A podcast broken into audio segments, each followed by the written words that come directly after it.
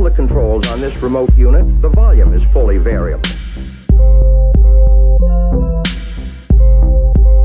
Should the telephone ring or guests arrive,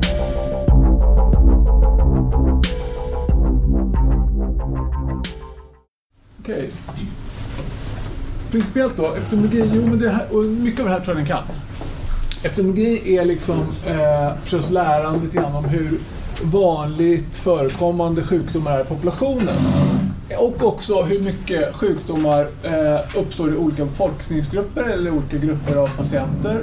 Och det är forskning där vi principiellt i alla fall eh, observerar och kvantifierar prevalenser och associationer oftast utan att göra interventioner. Så att det är liksom läran om sjukdomsförlopp och sjukdomars demografi. Mm.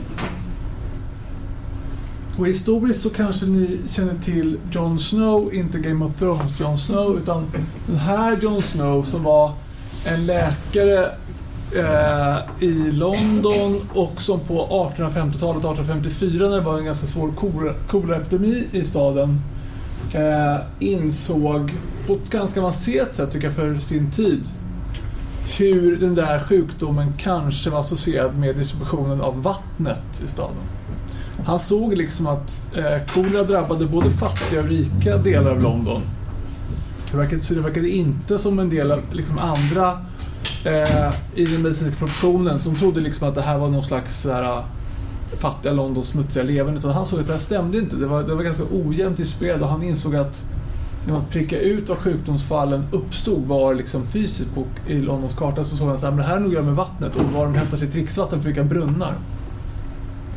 Man identifierade bland annat en brunn liksom i Soho som, som rimligt kontaminerad. Han frågade också folk så här, var hämtar ni ert vatten och kunde pinpointa liksom en brunn som var på något sätt eh, misstänkt. Tog bort eh, vad heter det, kran heter det men så här, pumpdelen från den och kunde ganska omedelbart se hur frekvensen eh, kolera gick ner och mortaliteten sjönk. Det här var ju en, en bra setting för det var i alla fall rent medicinskt liksom, vetenskapligt för folk dog väldigt fort i kolera.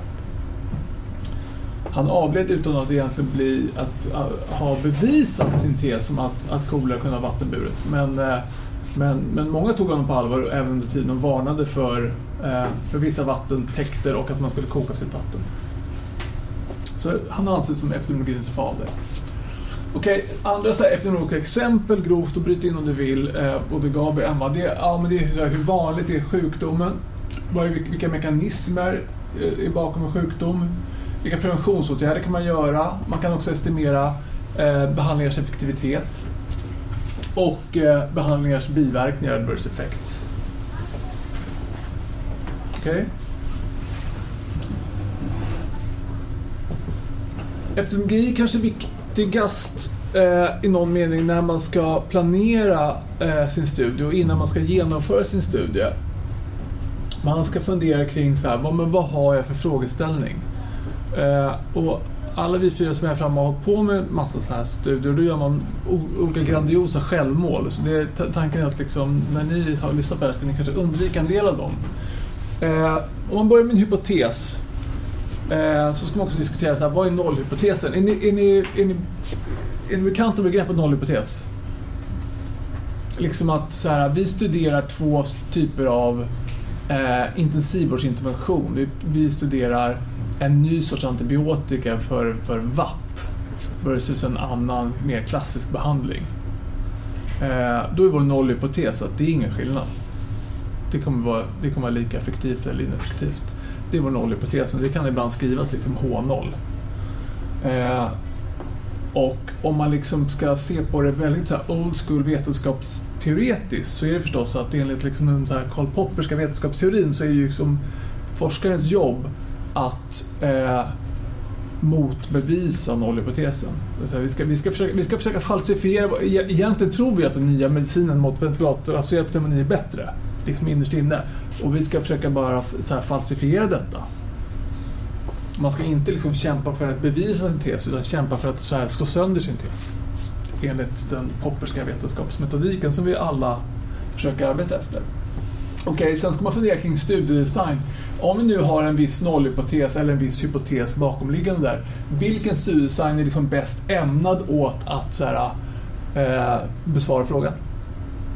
Och så ska vi, tycker jag, eh, ni känner till principen om variabler. Vi har liksom utfallsvariabler, vi har prediktorer. Jag tycker man ska fundera på hur samlas data in? Ska, ska vi använda deskriptiv statistik och eller analytisk statistik? Vilken interferens finns det? Vilka andra så här, störmoment finns det?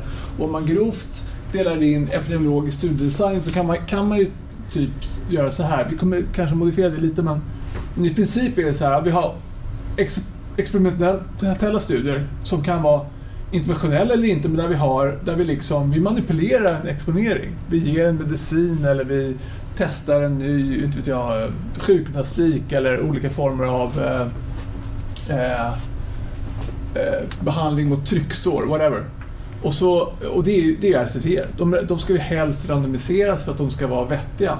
Det finns ju förstås en del, en del experimentella studier där man inte randomiserar. Men, och så de observationella studierna, där liksom observe nature as it is. Det kan vara kohortstudier eller case control-studier eller eh, cross-sektionella studier. Vi ska diskutera lite kort så här, vad som är fördelar och nackdelar. När, när är eh, mer lämpligt att göra kortstudier och när det är lämpligt att göra case control-studier. Jag tror att det kan komma frågor på det på den här Kahootsen också. Ja. Okej, okay, men det här är så här en grov översikt som kan vara bra att ha koll på, som jag tror ni har koll på redan. Uh, och om man ytterligare tittar på studiedesign så kan man dela upp det i vad som är deskriptiva studier och analytiska studier. Och när det gäller de observationella studierna så kan ju, så kan ju man ibland bara beskriva som en incidentstudie eller en fallrapport. Men en incidentstudie är en klassisk deskriptiv studie.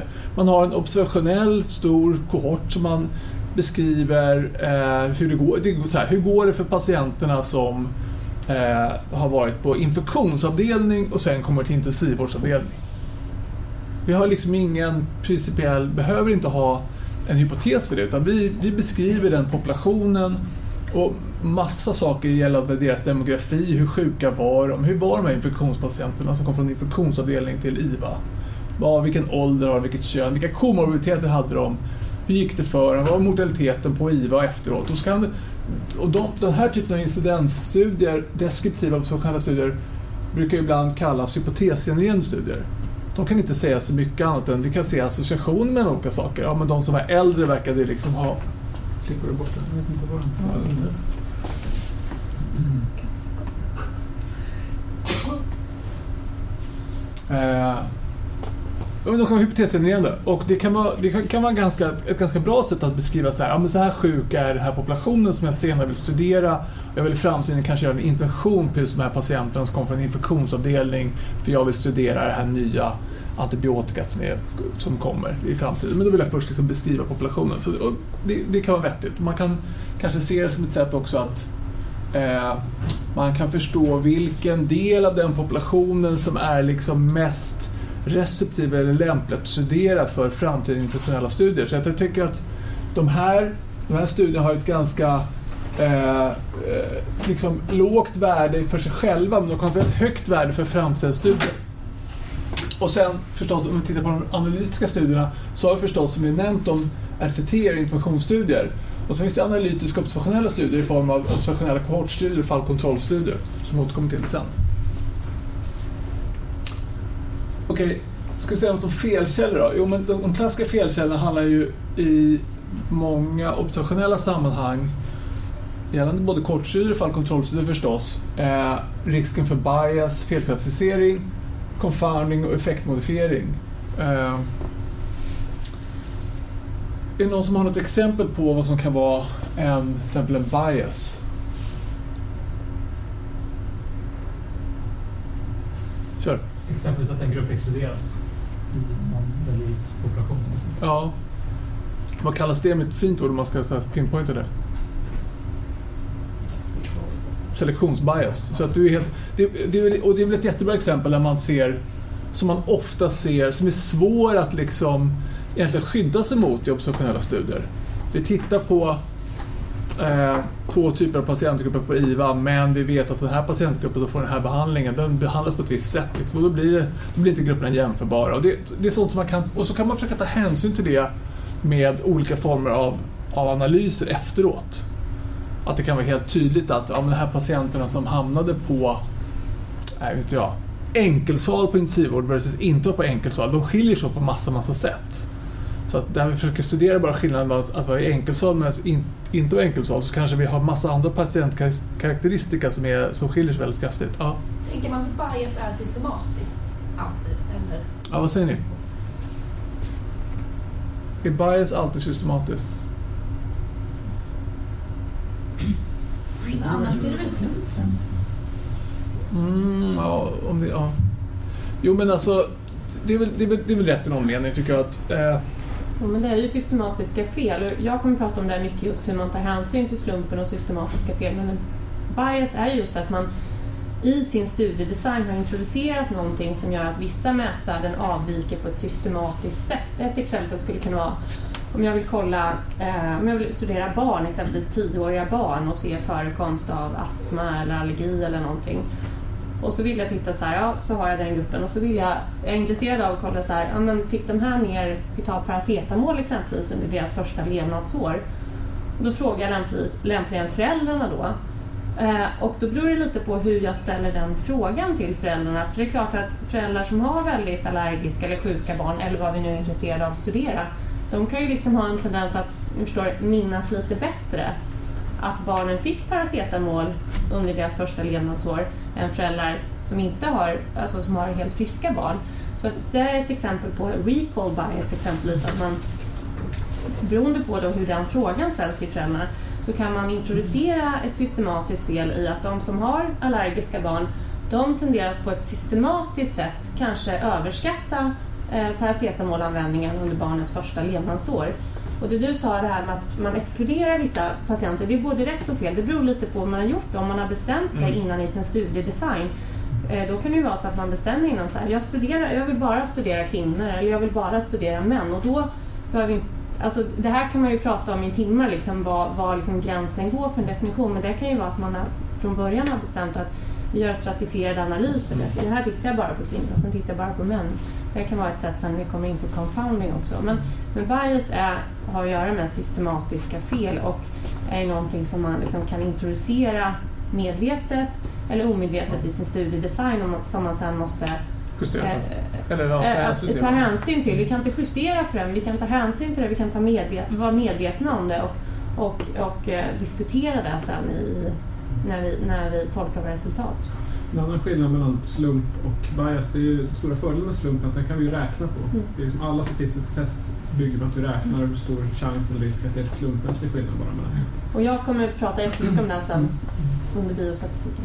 För du kommer prata lite sen om inferens där vi, kanske, där vi talar om så här, ja, men vi, har, en- vi har ett utdrag ur en population och hur mycket kan vi säga om hela populationen. Ja. Om vi pratar om RCTR så är det förstås på något sätt Ja, det är liksom gold standard för studier. Det är förstås att man slumpmässigt fördelar patienterna till behandlingsgrupper eller till olika interventionsgrupper. Och tanken är i alla fall förstås att man ska på så sätt få en distribution av helt jämförbara grupper med hänsyn taget både till liksom kända och helt okända confounders. Eh, och det är väl förstås helt rimligt att det är på något sätt det bästa vi kan åstadkomma när det gäller studiedesign. Men det finns några förstås en del risker med, med RCT också, jag ska nämna något om det sen.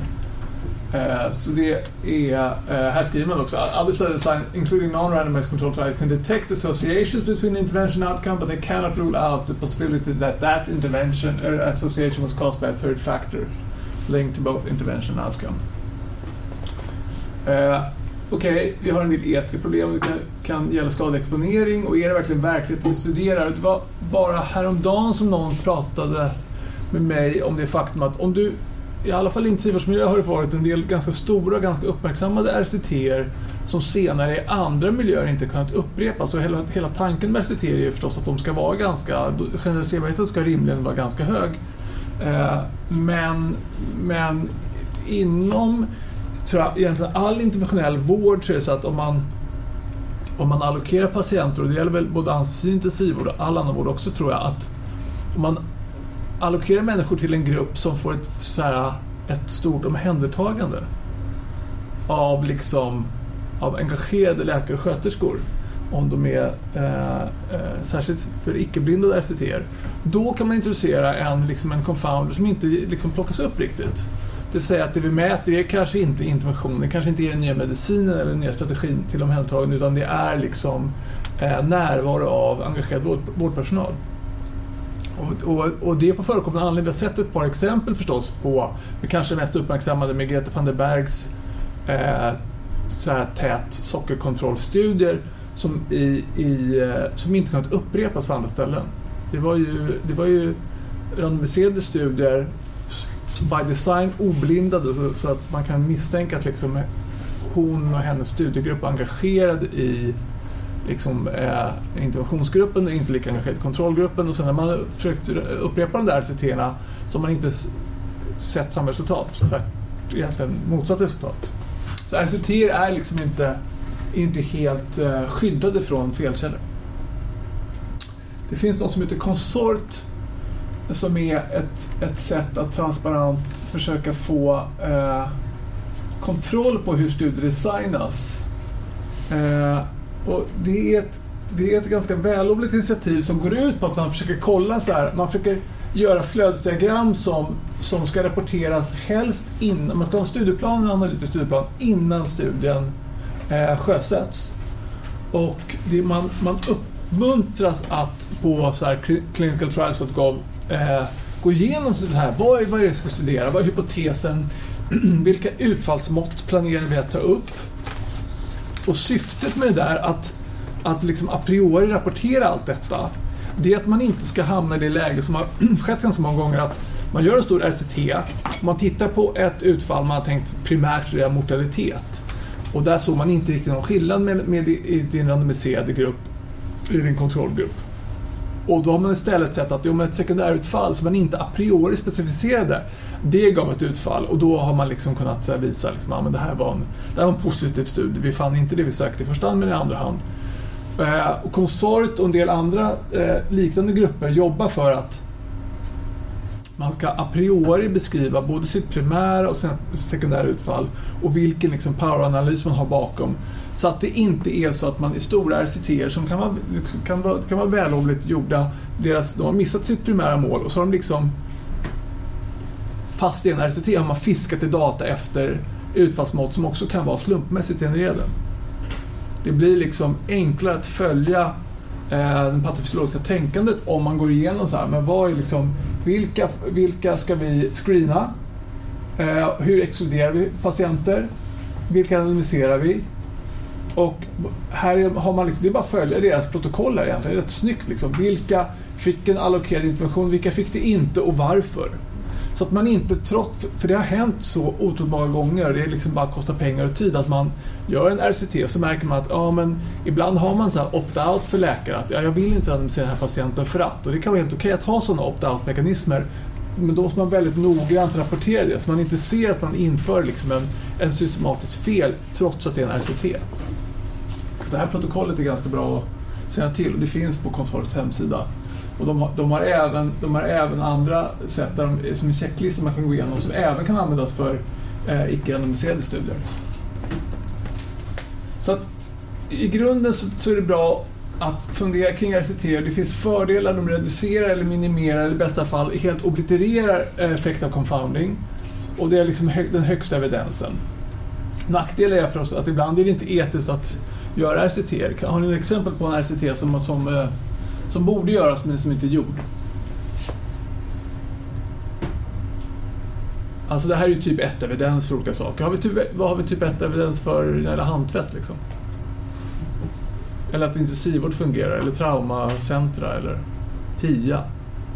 Det har vi inte. Hjärtstoppsbehandling. Hjärtstoppbehandling. Adrenalin. Det är inte så mycket sånt som gäller förlossning och graviditet och sånt där som kan vara lite svårt att... Just det där med... Jag tror de tog upp det här med... Vad det nu var... Eh, cervixinsufficiens och får man röra på sig eller ska man ligga i sängen liksom? Det finns så många så, det är en massa bra exempel, men jag tror många av de saker som vi gör som vi ser som helt självklara medicinskt och har egentligen inte level 1-evidens. De har aldrig varit utsatt för en randomiserad studie och de kommer inte, det kommer inte vara etiskt korrekt att göra så.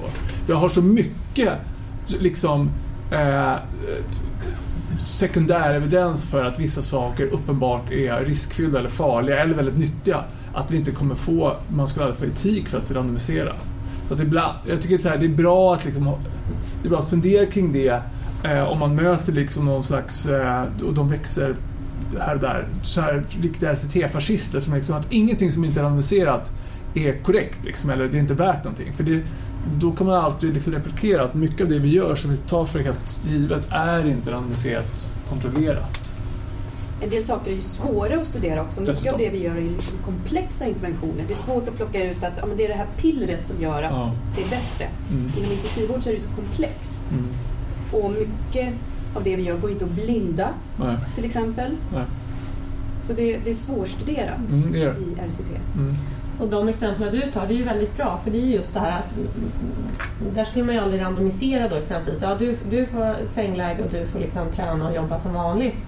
Det är ju ingen som skulle våga göra det även om vi eh, det skulle vi aldrig få någon form av etik för och ingen skulle vilja göra den, ingen skulle vara med i den. Och det är ju sådana lägen, nu är det ett lite extremt exempel, men det är sådana lägen man får, man får gå till, till de eh, observationella studierna helt enkelt. Och kolla, kolla på register och se. Mm. Så det är många exempelvis Eh, jag menar, rökning vet vi ju är en skadlig exponering men vi kanske inte vet liksom, rökningseffekt på alla möjliga tänkbara utfall. Och då kan man ju inte heller liksom, randomisera folk. Det är också ett extremt exempel. Ni förstår vad jag menar? Då måste man ju gå till, till registerstudier eller observationella studier. Mm. Och sen är det ju dyrt också. Det är dyrt. Även om man tänker man vill göra RCT men det kostar ju jättemycket pengar. Mm. Eh, Eh, jag tänkte bara gå vidare med en ytterligare problematisering av RCT och det är faktiskt allra mest problematiskt i intensivvårdsanestesisammanhang. Eh, och det handlar om the fragility index. Så the fragility index är en egentligen mycket enkel liksom, matematisk modell där man säger, säger så här att okej, om vi har eh, vi har gjort en randomiserad studie och vi har ett antal patienter som har randomiserats till en intervention och några som inte har randomiserats till intervention utan är kontrollgruppen. Och om vi till exempel tittar, vi vill att vi har ett mortalitetsutfall. Interventionen syftar till att minska mortaliteten. Så har vi ett antal event, ett antal dödsfall i interventionsgruppen och ett antal dödsfall i kontrollgruppen. Förhoppningsvis lägre då i interventionsgruppen, där vi tänker att det var framgångsrikt. Och studien presenteras i någon av de så här fina topp 4-tidningarna och P är mindre 0,05, det vill säga våra, vårt lägre nummer av events, dödsfall, var det var signifikant lägre i interventionsgruppen än i kontrollgruppen. Då är Fragility Index måttet på hur många events som hade behövt vara non-events för att studien skulle gå sönder eh, eh, liksom rent statistiskt. Som ett exempel. Vi har en studie med 100 patienter där placeboarmen har 20, 20 dödsfall och interventionsarmen har 9. Och då frågar vi oss, vad skulle liksom det nya p-värdet vara om dödsfallen ändrades så att det är fortfarande 20 placeboarmen men det var ett till dödsfall, ett enda till dödsfall i interventionsarmen. Så det här liksom 9 mot 20, ja det blir statistiskt signifikant. Vi kan publicera i JAMA eller New England, alla är glada. Det är en RCT, högsta form av evidens och så vet vi att ja, men om ett enda dödsfall hade skett till i den här interventionsarmen, då hade P inte varit mindre än 0,05. Så vad man gör rent principiellt är att man, man tittar på studier, publicerade studier, det här har gjorts. Man har gått igenom de största liksom, IVA och anestesistudierna i de liksom, fem finaste tidningarna. New England ner till Annals of Internal Medicine. Och så tittar man så här, vilket fragility index har vi? Och fragility index är alltså i det här fallet, om vi går från, om vi har statistisk signifikans i 9 dödsfall mot 20 i placeboarmen och så blir det 10 istället, då är det inte statistiskt signifikant längre. Då är fragility index 1. Så ju lägre det är, desto skörare, desto mer fragilt är liksom evidensen, trots att det är en RCT.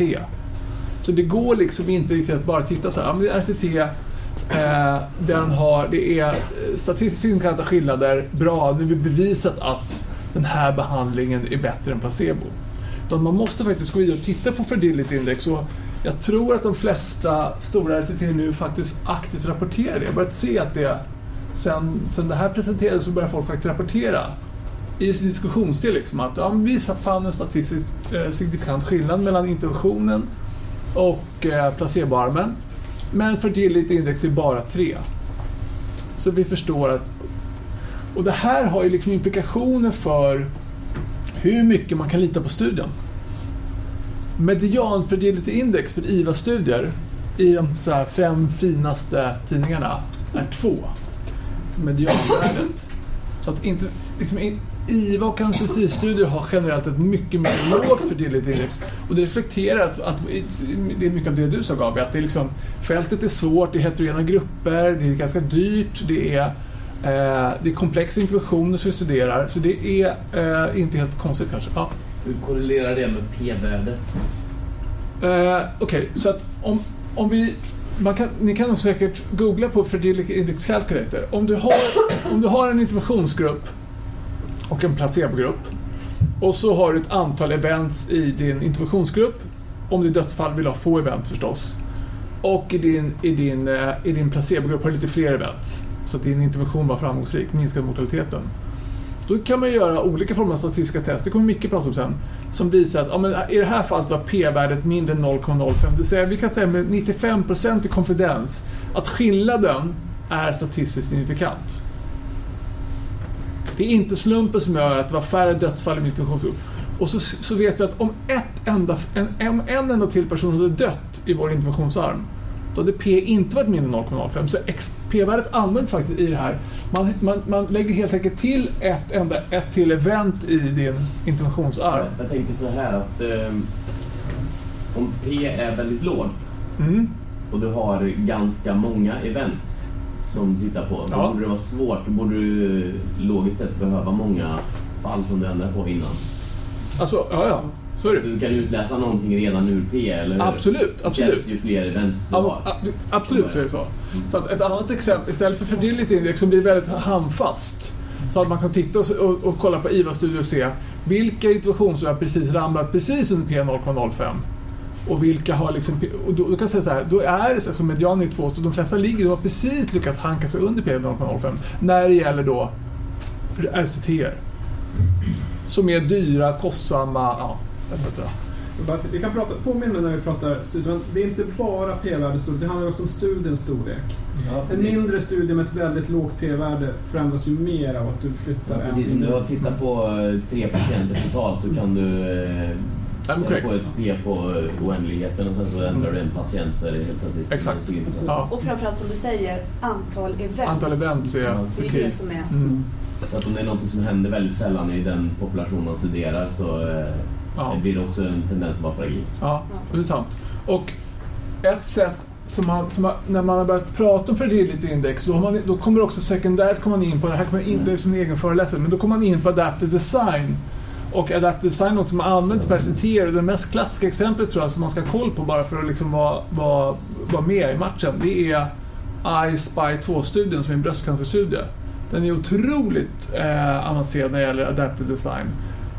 I korthet kan man säga så här att om man gör en klassisk RCT så gör man ju först någon slags powerberäkning. Man säger så här, vi ska randomisera så här många patienter för med den här statistiska signifikansen, eller sannolikheten få en skillnad i, liksom, i, i interventionskontrollgrupp.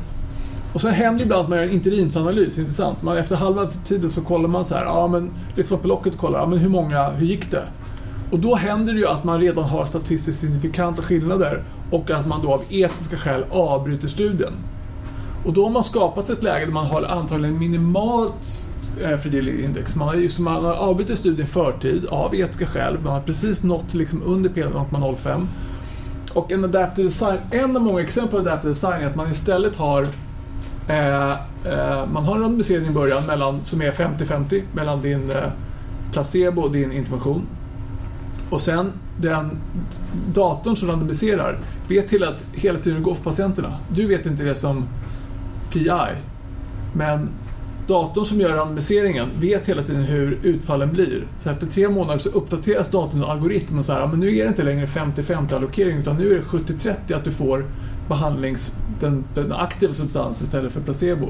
Då kan man snabbare nå fram till ett mer solitt statistiskt signifikant fynd utan att behöva köra liksom interlinsanalys avbryta i förtid eller för den delen efter interlinsanalys om den inte är signifikant nästan utsätta 500 patienter till för en, för en randomisering där vi nästan vet eller tror att interventionsgrejen är bättre.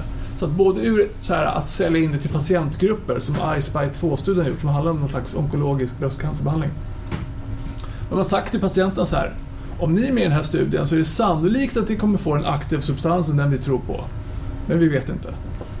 Det är inte 50-50, det kan vara liksom, det ändras hela tiden. Så det kan vara 50-50 i början, sen 60-40, sen 70-30 och sen 80-20. Så kommer man snabbare nå fram till det. Och det, det, är ett exempel på adaptive design.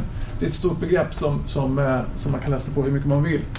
Men just det här drop the losers, pick the winner design är ganska vanligt. Men sen finns det massa andra, eh, massa andra exempel där man liksom man switchar grupper och man eh, ändrar beroende på biomarkörutfall och så vidare. Så det är ett, det är ett stort begrepp. Men det, jag tycker det är bra att så här, känna till adaptive design tillsammans med Fragility Index. För då kan man se så här att, ja men okej, okay, vi förstår här att även om vi använder RCT som är liksom top notch i studiedesign så finns det fallgropar och vi kan faktiskt komma ännu längre. För att gå tillbaka till något som är lite mer eh, klassiskt är väl det här med observationella studier och Emma kommer att prata lite mer om det men principiellt så är kortstudier där följer man ju patienter framåt. Det är väl från eh, var det antikens Rom där det hette kohorter, där det var liksom en grupp soldater som var tillsammans forever tills de dog. Så det är en kohort följer man liksom och det enda sättet att utgå från den romerska kohorten var ju att bli dödad i fält eller kanske dö av naturliga skäl antar jag. Okay. Så det är en kort studie. Så en kort är en grupp som man följer och man följer dem framåt. Medan case control-studier, då tittar man ju bakåt.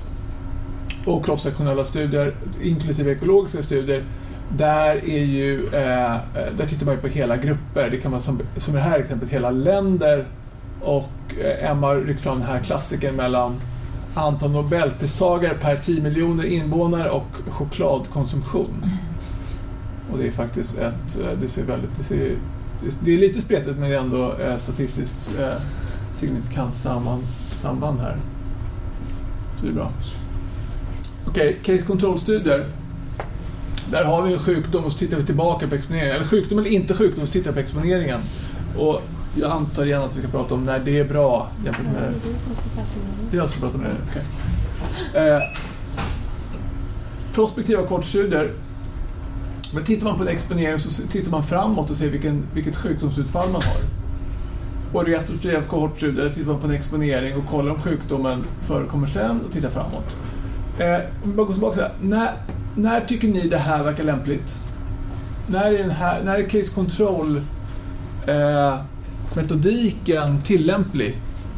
Så den stora principiella skillnaden bara det är att vid fallkontrollstudier hittar man ju identifierar man en grupp av patienter som har sjukdomen, om vi är en sjukdom vi är intresserade av. Och sen hittar vi en grupp som inte har sjukdomen, det är alltså våra kontroller. De kan vi ju, och det bara det är ju en, en föreläsning i sig hur man matchar, alltså vi kan hitta om vi har exempelvis 100, 100 patienter med sjukdom intresserade av så identifierar vi 500 kontroller. Och sen går vi tillbaka i tiden och kollar, exempel, har de rökt? Har, har de som drabbas av sjukdom, en viss sjukdom, rökt i större utsträckning än våra kontroller gjort? Och eh, sen eh, eh, kollar vi på associationerna däremellan. Och vid en, Eh, en kohortstudie så blir det kan man säga tvärtom. Då identifierar vi en rökande grupp och en icke-rökande grupp. Och sen följer vi dem framåt i tiden och ser om de utvecklar sjukdomen eller inte.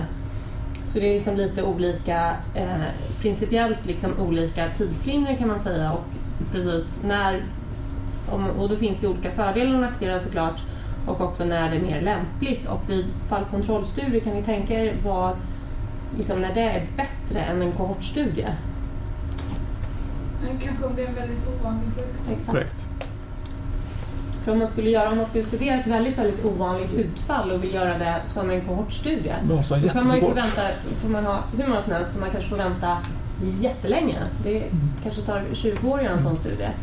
Men om man istället, istället då är tvärtom, att vi vet att det är en väldigt, väldigt ovanlig sjukdom, då hittar vi dem och det kan vi göra på olika sätt med register eller hur ni väljer, då hittar vi dem. Och sen hittar vi en matchad kontrollgrupp och sen så går vi tillbaka i tiden och tittar skiljer sig exponeringen åt mellan de här mm. två grupperna. Är alla med på det? Det är viktigt, kanske viktigaste där. Att det har att göra med sjukdomars prevalens och incidens, hur man väljer sin design. Eh, bra. Men ett utbrott av någonting som det här kolera-exemplet, det skulle ju inte heller kunna gå att göra med en kontroll.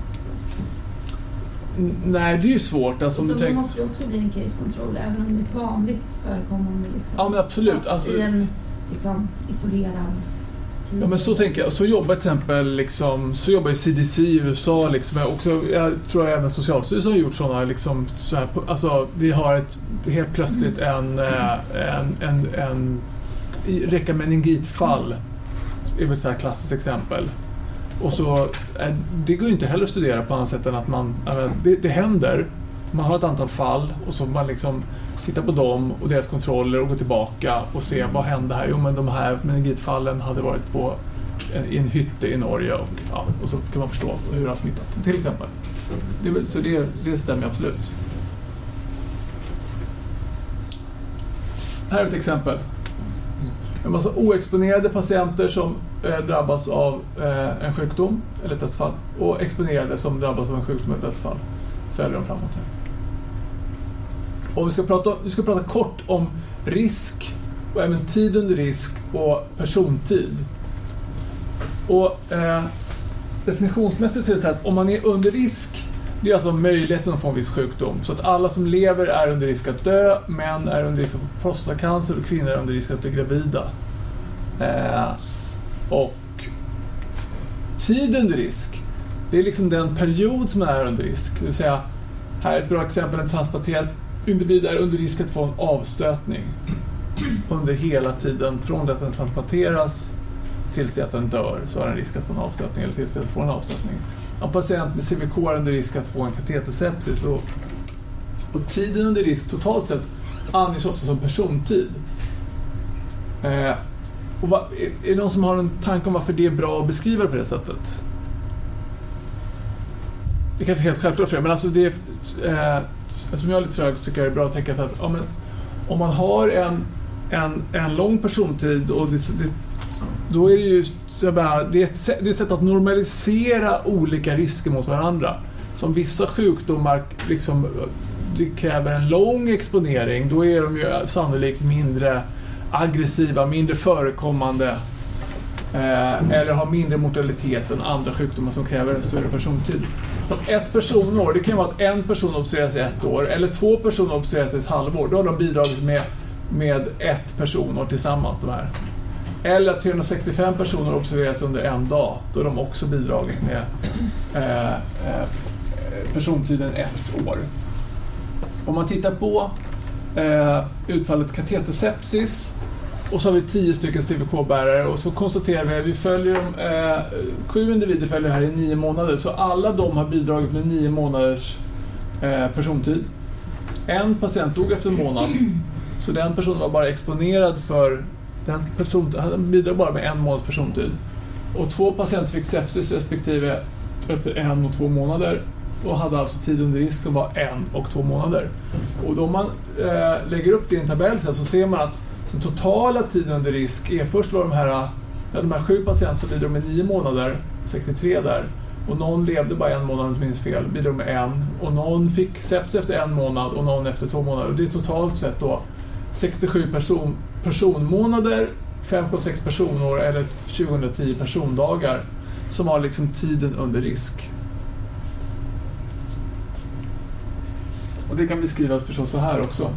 Hur många, här är liksom tid, och här är en oexponerad grupp och en exponerad grupp. Och här är vilken, vilken tid de har bidragit med. Det här kan vara ett år eller vad vi vill. Och några här, här avbryter man eh, sin, eh, sin uppföljning. Så några blev inte case alls i både, i både exponerade och exponerade gruppen. Och några, någon har dött här och någon har fått sjukdomen. Här har några dött och fått sjukdomen. Okej, om vi sammanfattar lite grann gällande studiedesign, fördelar och nackdelar. Då har vi sagt att, du sa det, fallkontrollstudier de är lämpliga när orsaker till ovanliga hälsotillstånd ska undersökas. Ovanliga sjukdomar, ovanliga event.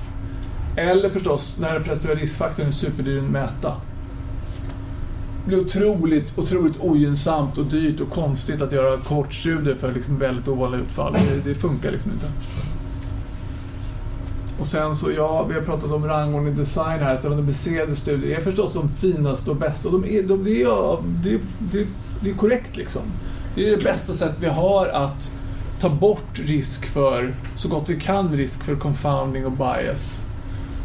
Och sen har vi icke-randomiserade kontrollerade studier och sen kommer liksom kort och fallkontrollstudier. Och man kan diskutera, tycker jag, det, det är också värt att säga det, att eh, eh, kortstudier beskrivs ibland ganska ofta tycker jag som retrospektiva kortstudier fast de per definition egentligen är, är prospektiva i sitt upplägg.